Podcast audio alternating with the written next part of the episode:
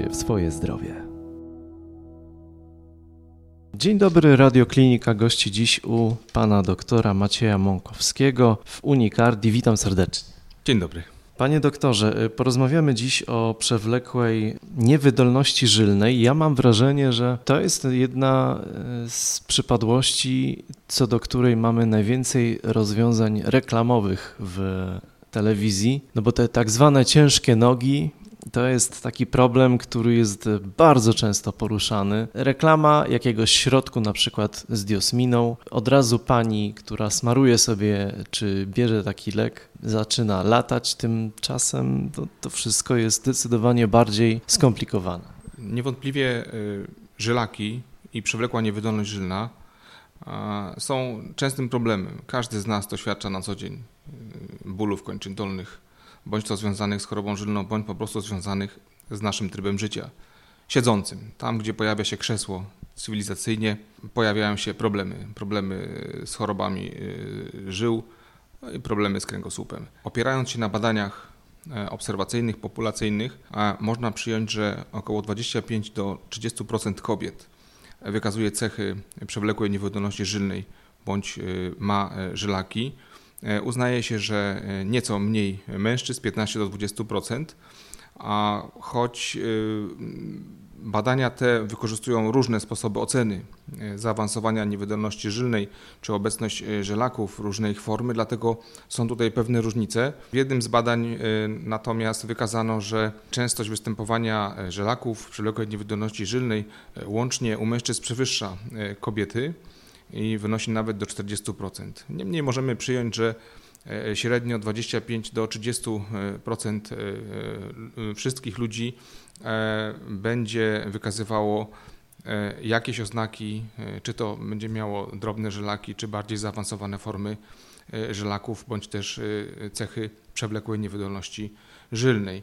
Stąd zapewne wynika popularność leków i sposobów mających przynieść ulgę w dolegliwościach, które dotykają nas e, w dużej części naszej, nas, naszego społeczeństwa. Tu, tu jestem zaskoczony, jeśli chodzi o tych mężczyzn, bo rzeczywiście z tego, co ja przeczytałem, to problem zdecydowanie częściej dotyka kobiet i mówimy o kobietach starszych. Natomiast właśnie siedzenie, ale też pewnie y, w, mówiąc o, y, o przyczynach, o zwiększeniu ryzyka, to też y, pewnie Pan potwierdzi otyłość, ale też takie predyspozycje genetyczne. Tak, to prawda, e, czyli na występowanie żelaku przewlekłej niewydolności żylnej e, ma wpływ to, co niesiemy ze sobą w genach i można tak ogólnie przyjąć, że około 50% pacjentów z bardziej zaawansowaną formą choroby ma dodatni wywiad rodzinny, ale oczywiście na to nakłada się również nasz sposób życia.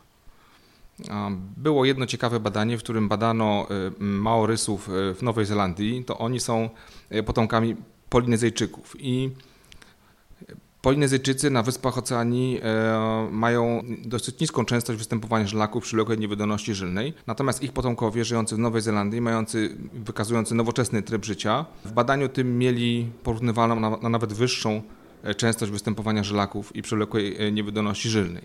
Czyli z jednej strony wywiad rodzinny jak najbardziej obciąża te osoby, które mają dodatni wywiad rodzinny, w szczególności jeśli e, wywiad ten jest dodatni zarówno ze strony mamy, jak i taty, czyli wówczas to ryzyko jest większe, ale bardzo dużą rolę ma również nas, nasz styl życia. Czyli rozumiem, że ci potomkowie zaczęli po prostu w tej Nowej Zelandii siedzieć, a wcześniej rodzice ich po prostu stali i pracowali, gdzieś się cały czas ruszali. Oczywiście możemy tak e, e założyć e, skrótowo, no niemniej zapewne ma na to wpływ całokształt naszego życia, czyli nie, nie, tylko siedzenie, ale cały dzień, sposób w jaki pracujemy, jaki dzień spędzamy, no w większości jednak w pozycji siedzącej, czy to za kierownicą samochodu, czy, czy w pracy.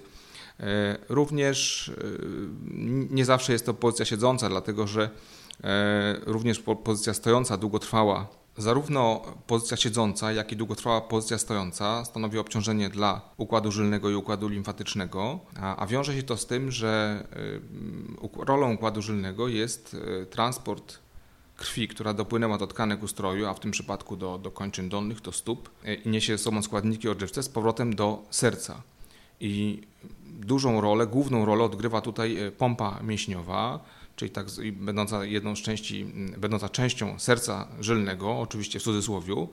I ta pompa mięśniowa, głównie pompa podeszwowa i pompa łydkowa, e, na, na, skutek skurczu mięśni w ciasnych przedziałach powięziowych, w których również umieszczone są żyły, a pompa podeszwowa na skutek stąpania, czyli ucisku e, na ziemię, czyli kiedy chodzimy, to stopa unosi się do góry, a następnie opada i jest ucisk o podłoże. I to powoduje, że ta krew jest wypychana do góry za, za pomocą układu żylnego, który posiada zastawki, e, które z kolei zapobiegają cofaniu się krwi, która została wtłoczona do góry podczas właśnie ruchu, czy to, czy to chodzenia, czy innych form aktywności. Dlatego też e, czynnikiem e, ryzyka pojawienia się żylaków, czy też przewlekłej niewydolności żylnej, która stanowi bardziej zaawansowaną formę choroby, jest nie tylko pozycja siedząca, ale również długotrwała pozycja stojąca, czyli po prostu unieruchomienie i wszystkie inne jego formy. Pomówmy jeszcze o y, lataniu, bo zdaje się, że to jest istotna kwestia. Osoby, które często y, latają samolotami, jakie tutaj są zalecenia lekarskie w przypadku żylaków y, niewydolności żylnej? Słowo kluczowe unieruchomienie nie tylko, do, nie tylko pacjenci, którzy dużo latają, ale też y, zawodowi kierowcy, y, ludzie, którzy planują podróż przez Europę, y, podróżujący dużo autobusem, a w szczególności mamy tu na myśli unieruchomienie trwające ponad 3 godziny, a, a w szczególności 6 czy 8 godzin. Takie loty wiążą się już ze zwiększeniem ryzyka zakrzepicy. Dlatego też pacjenci, którzy mają żylaki, E, e, mają dodatni wywiad w kierunku zakrzepów żył powierzchownych, czy, czy głębokich, czy problemów e, żylnych, to ci pacjenci powinni zasięgnąć porady specjalisty, w jaki sposób zachowywać się przy dłuższym unieruchomieniu podczas lotu, jak się przygotować dla grupy najbardziej zagrożonej, a więc pacjentów z zaawansowaną chorobą, pacjentów z chorobami nowotworowymi, pacjentów z przebytą zakrzepicą. Dysponujemy również e, leczeniem farmakologicznym, e, profilaktycznym. Mam tu na myśli heparynę drobnocząsteczkową, która e, w znakomity sposób zapobiega zmniejsza ryzyko wystąpienia zakrzepicy związanej z unieruchomieniem. Więc te grupy pacjentów, te grupy ludzi, którzy. I, i takich pacjentów mamy. Dzisiaj świat jest mały, mamy biznesmenów, którzy dużo latają, zgłaszają się do nas. Mamy też takich pacjentów, którzy w pełni zdrowia, 30-kilkuletni, 40-kilkuletni letnie osoby przychodzą do nas w związku z zakrzepicą, do której doszło po dłuższej podróży lotniczej. Mamy także pacjentów zagranicznych, gdzie zdarza się, że y, stracą przytomność na skutek, na skutek zakrzepicy i zatorowości płucnej, która jest właśnie powikłaniem, ciężkim powikłaniem tej choroby i ci pacjenci szukają u nas pomocy. A za pomocą prostych środków możemy tym, możemy tym pacjentom pomóc, możemy tym ludziom pomóc e, i w szczególności uchronić ich przed tym najgorszym, a więc zakrzepicą, i zatorowością płucną, a więc e, żylną chorobą zakrzepowo-zatorową, która no, jest e, chorobą e, w części przypadków śmiertelną, a w innych przypadkach niesie ze sobą potrzebę długotrwałego, skomplikowanego leczenia. Czy ten proces leczenia w przypadku pacjentów jest właściwy? Mam na myśli to, że pewnie często pacjenci sami po prostu decydują się na korzystanie z dostępnych w aptece bez recepty środków, no a gdzieś unikają tej takiej zwykłej drogi, czyli lekarz rodzinny, a potem angiolog. Zapewne stosowanie ogólnie dostępnych leków w większości przypadków pacjentom nie zaszkodzi. Niemniej też y, w większości przypadków nie rozwiąże ich problemu.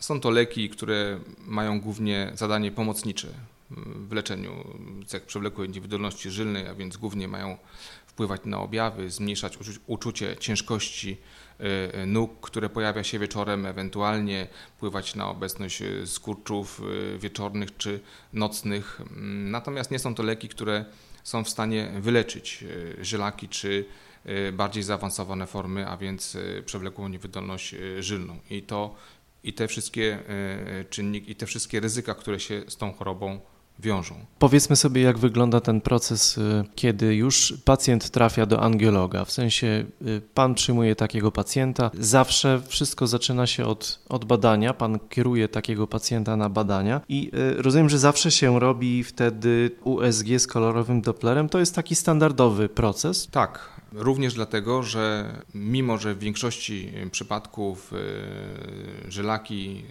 mają charakter pierwotny, E, czyli dla części pacjentów, którzy mają e, tak zwane pajączki naczyniowe czy bardzo drobne żelaki, nie stanowią dużego problemu zdrowotnego. Te dolegliwości czasami są niewielkie, niezbyt nasilone.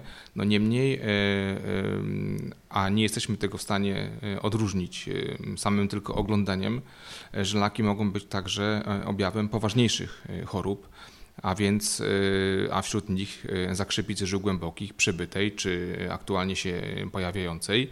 Dlatego też pacjent ani jego rodzina nie są w stanie określić stopnia zaawansowania i zagrożenia, jakie wiąże się z tą chorobą.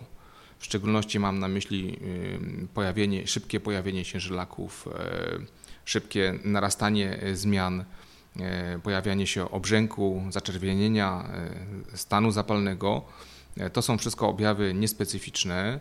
Nawet doświadczony lekarz, e, który przyjmuje pacjenta albo prowadzi z rozmowę telefoniczną, e, nie jest w stanie zdiagnozować, czy pacjent ma tylko proste formy żylnaków, obrzęk wynikający właśnie z tego, że są cechy przewlekłej niewydolności żylnej, czy też taki obrzęk może być spowodowany innymi poważnymi chorobami ogólnoustrojowymi ze strony serca, nerek, wątroby, E, czy też e, być właśnie objawem zakrzepicy.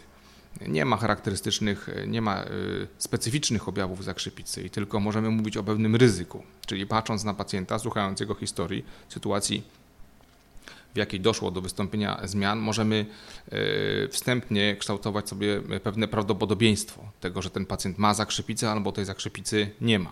Natomiast zawsze w takim przypadku musimy pacjenta dokładnie wysłuchać, zbadać oglądaniem, obmacywaniem i ostatecznie y, wykonać badanie ultrasonograficzne. Badanie z kolorowym Dopplerem, Dopplerem jest y, częścią, jest formą badania ultrasonograficznego, y, gdzie przepływ obrazujemy kolorem.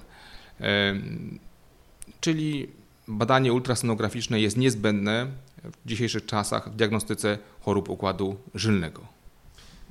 Co takie badanie daje? Ono, rozumiem, pokazuje panu, e, jak przebiegają e, żyły, w jaki sposób te żyły są powiększone, gdzie jest problem, jak często spotyka się pan z przypadkami bardzo zaawansowanych żylaków, takich wręcz no, zagrażających poważnie zdrowiu. Czy odpowiedź podzielę na dwie części. Przede wszystkim w świadomości społecznej czy w świadomości pacjentów, zwłaszcza mężczyzn, funkcjonuje pogląd, że żelaki E, a szczególnie te drobne, e, drobne żylaki, e, pajączki nie stanowią zagrożenia dla zdrowia, dla zdrowia, stanowią tylko pewien defekt kosmetyczny.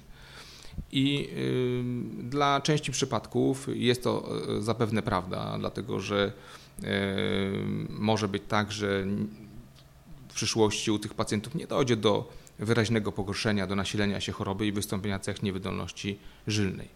Niemniej trudno jest określić, e, u którego pacjenta choroba będzie postępować, a u którego pacjenta e, ta choroba nie będzie postępować. E, ponadto należy powiedzieć, że przewlekła niewydolność żylna niesie ze sobą spore problemy dla pacjenta, dlatego że pierwszym objawem są żylaki.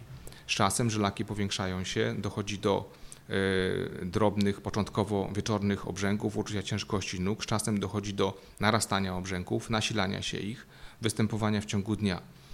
Wiąże to ze sobą e, ryzyko wystąpienia zmian skórnych i właśnie to one często powodują zgłaszanie się pacjentów do lekarza. Są to przebarwienia o charakterze wyprysku żylnego, e, jak e, można to nazwać.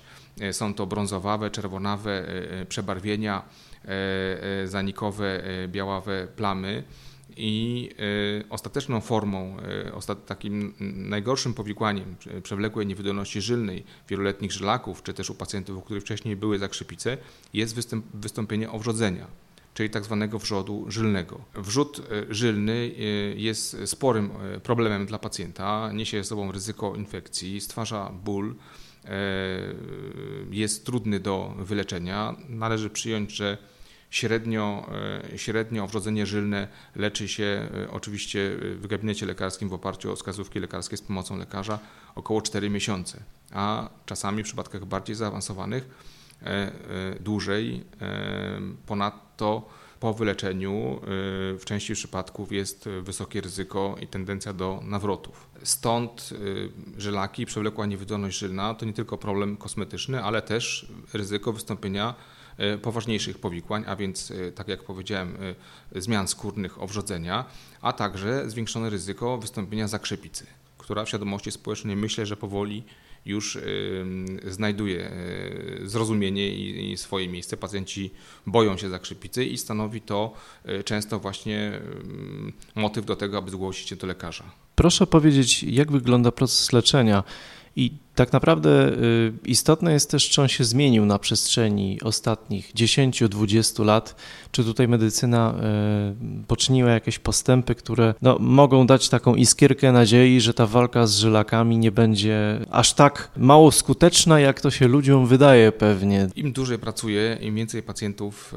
y, oglądam, tym bardziej czasami jestem zaskoczony, jak niewielkie z pozoru czy, czy błahe dolegliwości mogą być przyczyną y, poważnych y, y, problemów, czyli na przykład wystąpienia zakrzepicy. I to nie dotyczy tylko osób starszych czy osób w średnim wieku, ale zgłaszają się również osoby młodsze. I to, że ktoś w rodzinie miał żylaki, one były zaawansowane i udało mu się przeżyć dożyć spokojnie starości, nie zawsze będzie znaczyło, że my tych kłopotów nie będziemy mieli. To jest bardzo trudno ocenić i myślę, że biorąc pod uwagę dostępność lekarzy, prostotę badania ultrasonograficznego, które nie wiąże się dla pacjenta w zasadzie z żadnym obciążeniem, z żadnym kłopotem, nie wymaga przygotowania specjalnego. Myślę, że nie ma powodu do tego, aby y, y, nie zgłosić się w przypadku takiej dolegliwości do lekarza, dlatego że y, również potrafią dać dużo cennych wskazówek dotyczących sposobu życia i postępowania, tak aby zmniejszyć ryzyko postępu choroby, jeśli ona jest, czy też zmniejszyć ryzyko wystąpienia poważnych powikłań. W szczególności dotyczy to e, również pań, które w przyszłości planują ciążę. E, te panie są w szczególności narażone na e, występowanie żelaków przewlekłej niewydolności żylnej, a, wiąże się to z grą hormonalną, z relaksacją ściany żylnej, czyli z wytwarzaniem przez nie hormonów, jak również wzrasta ryzyko zakrzepicy w ciąży, a nawet w połogu, a dysponujemy prostymi środkami które potrafią zmniejszać to ryzyko i temu zapobiegać. zapobiegać. Mam tu na myśli podkolanówki czy e, e, pończochy, rajstopy uciskowe, które są łatwo dostępne i niedrogie. Przez to stanowią cenną pomoc w tym, aby z problemami żylnymi walczyć, jak również, aby do nich nie dopuszczać. Myślę, że na przestrzeni ostatnich 10 lat dokonał się postęp y, głównie y, w sposobie leczenia zabiegowego żylaków.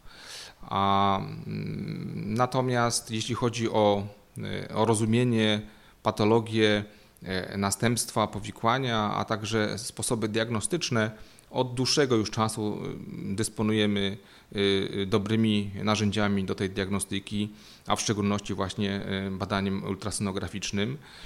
Mm, dostępność tego badania e, wzrasta. Zapewne kilkanaście lat temu trudniej było o e, dobrego fachowca, trudniej było o dobry sprzęt.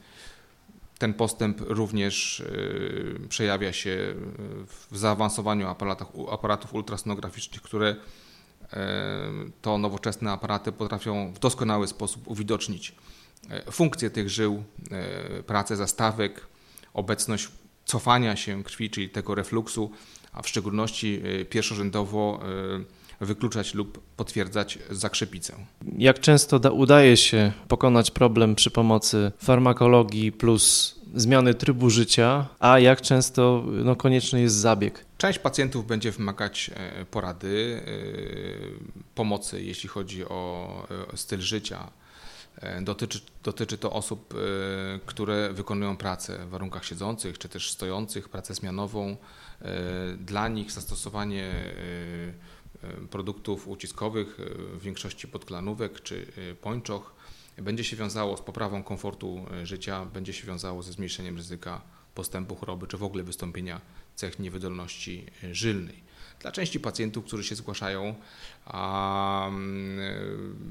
ważny jest fakt, że u podłoża zmian nie leżą poważne problemy zdrowotne i część z nich nie będzie decydować się na, na leczenie zabiegowe, gdyż w ich mniemaniu ten defekt kosmetyczny jest niewielki. Z kolei e, możemy mieć e, do czynienia z drugą grupą pacjentów, która przywiązuje wagę do tego, jak wygląda, jak wyglądają e, nogi. I oprócz tego, że udzielamy im pomocy przy zapobieganiu rozwoju dalszej choroby, udzielamy im porad, a wykluczamy poważne choroby, no mam tu na myśli przede wszystkim zakrzepice, E, i osoby te, e, które zwracają szczególną uwagę na własny wygląd, na własny komfort, na poczucie zdrowia, będą bardziej skłonne do leczenia zmian żylnych, nawet tych mało zaawansowanych, jak e, tak zwane pajączki naczyniowe, drobne żyły siatkowate, a więc wcale nie duże żylaki. I dysponujemy takimi metodami.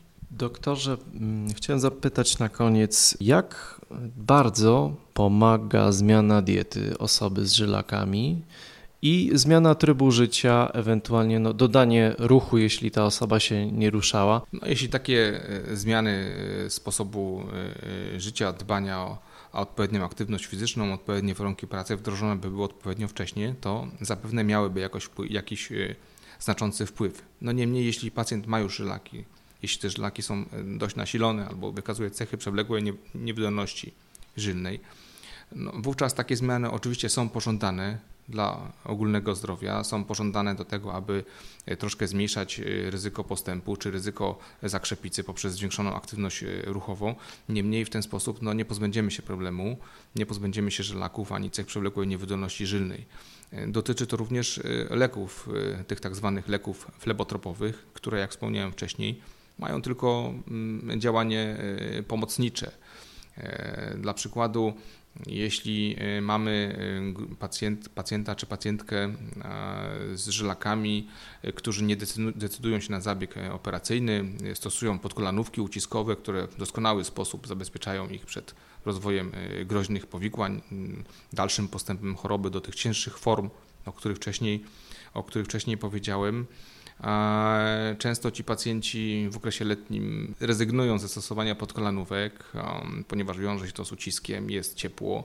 E, dla pań często przeszkadza, panie często nie chcą nosić podkolanówek w lecie ze względu na, na to, jak to e, wygląda i wówczas można stosować te leki flebotropowe. Niemniej, jak powiedziałem, zarówno, zarówno leki czyli środki farmakologiczne, jakiekolwiek by nie były, jakaby to nie była firma, jak również zmiany stylu życia, nie, sp nie spowodują y, ustąpienia zmian, ustąpienia żelaków, czy obrzęku, czy przebarwień, czy owrzodzenia y, żylnego. One są pożądane, niemniej na pewnym etapie y, potrzebne są, potrzebna jest konsultacja lekarska i podjęcie decyzji o leczeniu zabiegowym żylaków.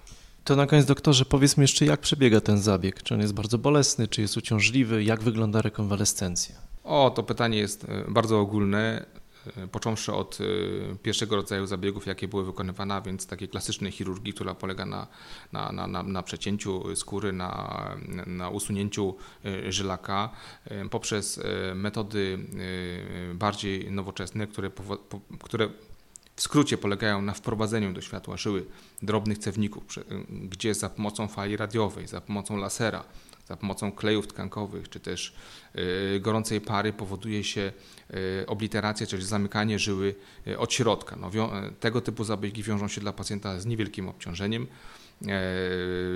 W przewadze wykonuje się je w znieczuleniu miejscowym i pacjenci tego samego dnia mogą iść do domu. No a jeśli mówimy o e, skleroterapii, czyli takiej formie leczenia, która polega na wszykiwaniu tak zwanego środka obliterującego, który ma za zadanie zamknąć na, trwale światło żyły, robi się za pomocą specjalnych igieł, e, strzykawek. E, może być to wykonane pod kontrolą ultrasonograficzną. Wówczas dla pacjenta obciążenie jest niewielkie, wykonuje się to bez znieczulenia i pacjent po takiej sesji jest to robione ambulatoryjnie w gabinecie, więc tutaj obciążenie dla pacjenta jest bardzo niewielkie i pacjent może to wykonywać w trakcie normalnych swoich aktywności, nie musi brać urlopu. Bardzo dziękuję doktorze za rozmowę i co, no, y, zgłaszajmy się z najmniejszymi już żylakami do lekarzy, żebyśmy y, nie musieli później walczyć z dużym problemem, tylko najlepiej walczyć z tym problemem, który dopiero się tworzy. No, myślę, że to jest doskonałe podsumowanie i y, zachęcam do tego, aby odwiedzić lekarza. Często wystarczy tylko jedna wizyta czy dwie wizyty, nie wiąże się to z dużym obciążeniem. Metody diagnostyczne są proste, jest to badanie, ultrasonografia, nie stanowi obciążenia i, i myślę, że e, rosnąca e, świadomość e, problemu, jak również rosnące wymagania co do własnego wyglądu, poczucia zdrowia powinny nas skłaniać do tego, aby odwiedzić lekarza. Bardzo dziękuję doktorze za rozmowę. Bardzo dziękuję.